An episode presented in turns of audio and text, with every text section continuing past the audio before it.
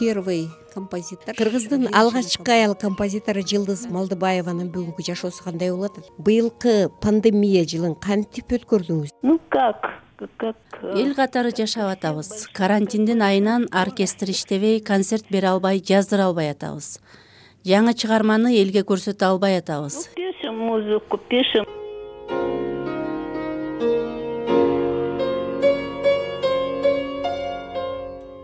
адам дымыгып кетет экен да чыдай албайт көпкө чыдай албайт экен. Ооба да.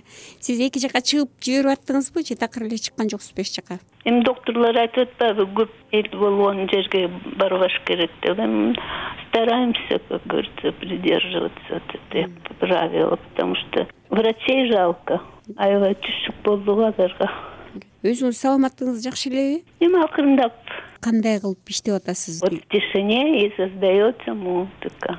Пианинonu коюп коесуз. У пианинада меня рояльда атам белек кылып берген могу квартира алганда берген. Гербстат немецкий. Аябай жакшы инструмент.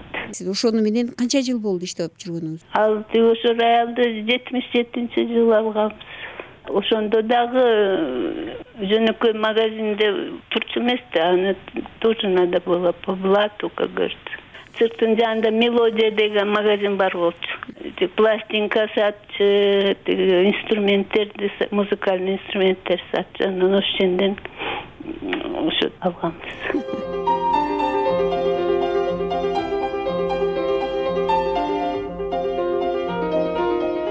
канча музыка жараттыңыз эми ошондон бери?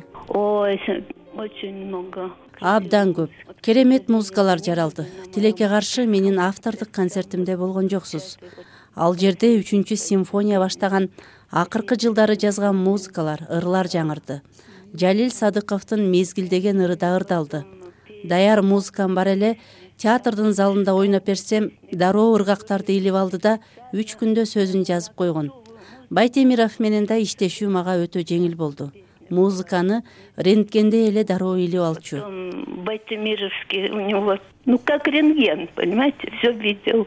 Э, жылзыжа вот смотрите жылзыжа сиз чыган композиторсуз буга таланттын күчү жеткирдиби же атаңыз улуу композитор абдылас малдыбаевдин таасири болдубу влияние отца. Вы знаете вот с детства у нас же в квартире все время звучала музыка. Или отец играл или сестра билесизби биздин батирде музыка тынымсыз ойноп турчу. Атам пианист эжем же агам иштеп аткан болот. Алар ойногон өңчөй классика кулагыңда да бул тарбия эмеспи. Мына ушул таасир этти биринчиден. Экинчиден бизде музыканы үйрөтүү мектеби күчтүү болчу. Мен шубинде күреңкеевди окудум күреңкеевде москва консерваториясын бүтүргөн мыкты педагогдор иштечү.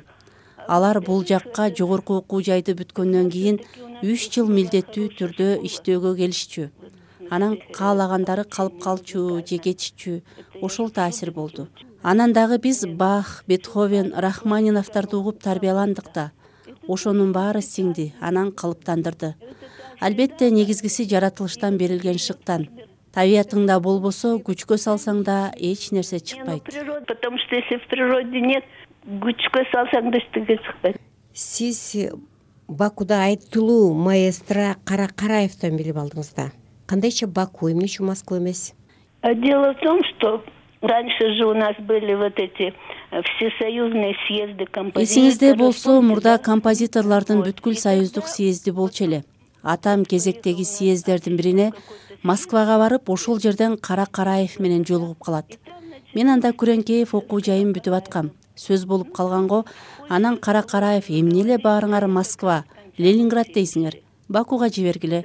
Бизде композиторлордун мектеби мыкты дейт. Ошол сөз менен эле мен барып калдым. Дагы бир жагы москванын борборунда атамдын батири бар болчу. Ал кезде ссср композиторлор союзу ошондой батирлерди берчү. Атам ссср композиторлор союзунун мүчөсү болгон үчүн ошондой батир берген.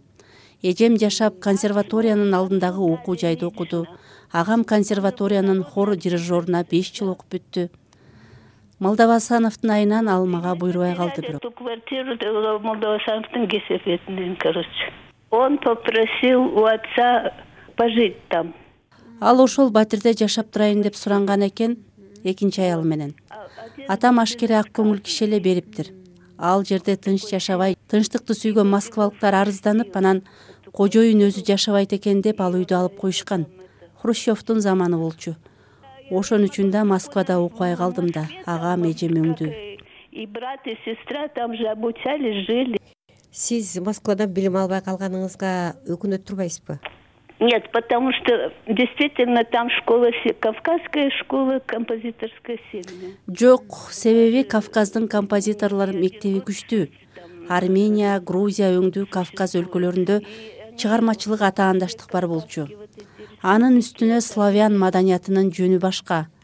Канткен менен ал жак чыгыш да өзгөчө кара караев өңдүү композиторду издеп таппайсың. Азыр андай жок. По моему уже таких уже и нет.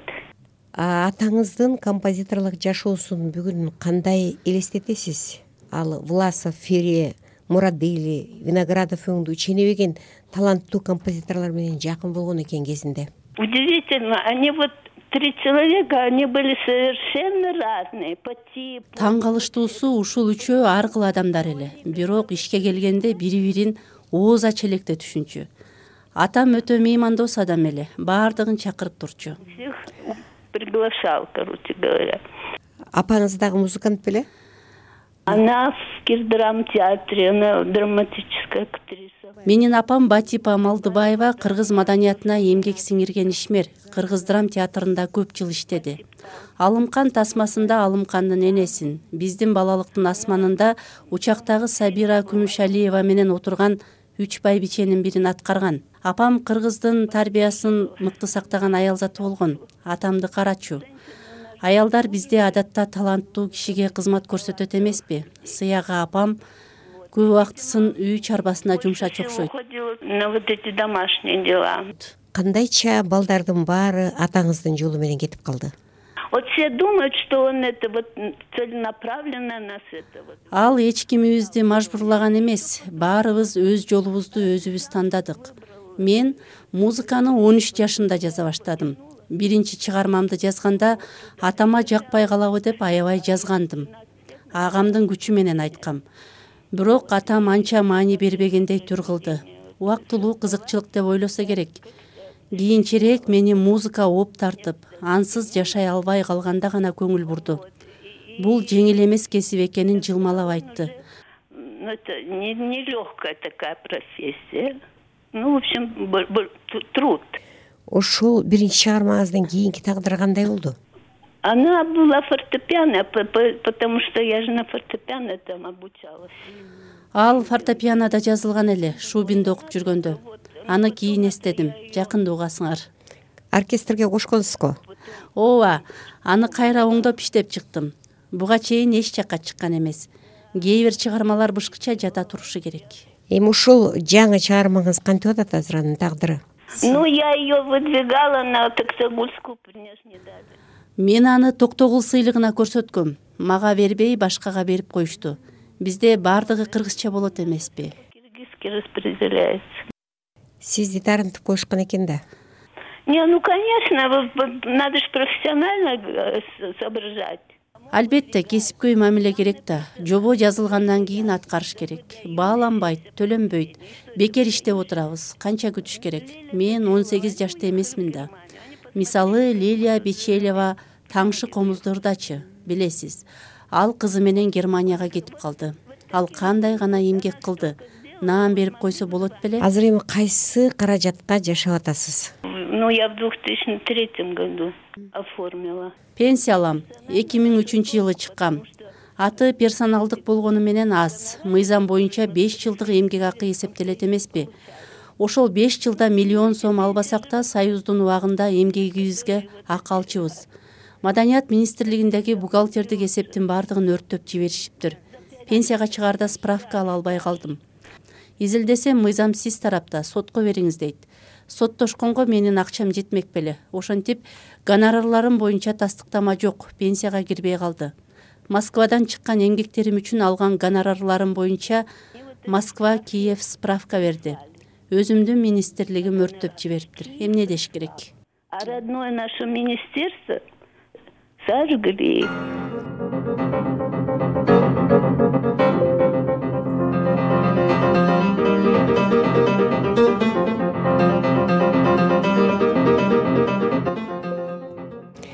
сиз маектериңиздин биринде токсонунчу жылды өмүрүңүздөгү эң оор жыл дептирсиз жалпы каталыкты айттыңызбы же жеке жашооңузда э, ошондой кыйынчылык болдубу ну это по всей стране өлкө кыйналбадыбы алты айлап айлык албай калдык апам ооруп төшөккө жатып калды жашоомо оор запкы келтирди ошол жыл алган маянам элүү сом болчу ну в общем было тяжело сиз көп жанрларда иштейсиз. Симфониядан баштап хор кино эстрада үчүн жазасыз. Тематикаларыңыз патриотизмден лирикага чейин кетет кайсынысы көңүлүңүзгө жакыныраак?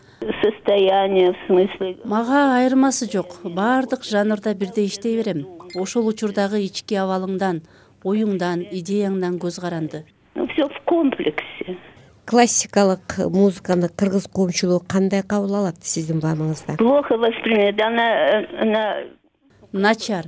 Классикалык музыкадан сабаты жок салкын мамиле түшүнбөстүк автордук концерттерди уюштурууда эле көрүнүп турат.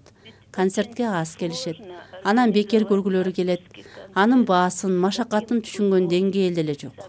Ошол концертке канча эмгек жумшалганын көрүүчү түшүнгүсү да келбейт мунун баардыгы табиттин тарбияланбагандыгынын кесепети. Садагам менин жылдызым талайга бүткөн нур кызым эл кызы болуп өсөгөр алделеп сүйсүн кыр кызың алделеп сүйсүн кыр кызың жылдыз эже мага мисалы азыр абдылас малдыбаевдин садагаң менин жылдызым деген чыгармасынын таржымалы кызык. Ну я вот э, в сорок шестом же родилась. А тогда отец мен бир миң тогуз жүз кырк алтынчы жылы төрөлгөм да ал кезде атам москвада консерваторияда окучу. Анан менин төрөлгөнүмдү сүйүнчүлөшөт да. Ошондо сөзүн да обонун да жазыптыр мени сагынып куюм бурул чагымда өнөрдүн чечсек түйүнүн булбулдар сайрар багыңда булбулдар сайрар багыңда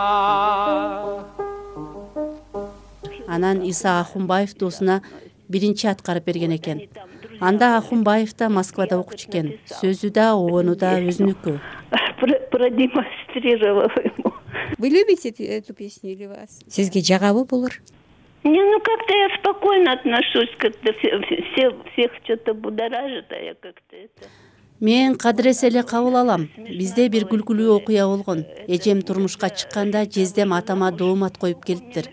эмнеге жылдызга ыр жазып толкунга жазбай койдуңуз деп? И он чтобы отделаться от него написал эту песню тоже балбылдап чыккан күнүмго өбөктү эрмек жарып ачар өмүрдө таңгыз үнүмго өмүрдө таңгыз үнүмго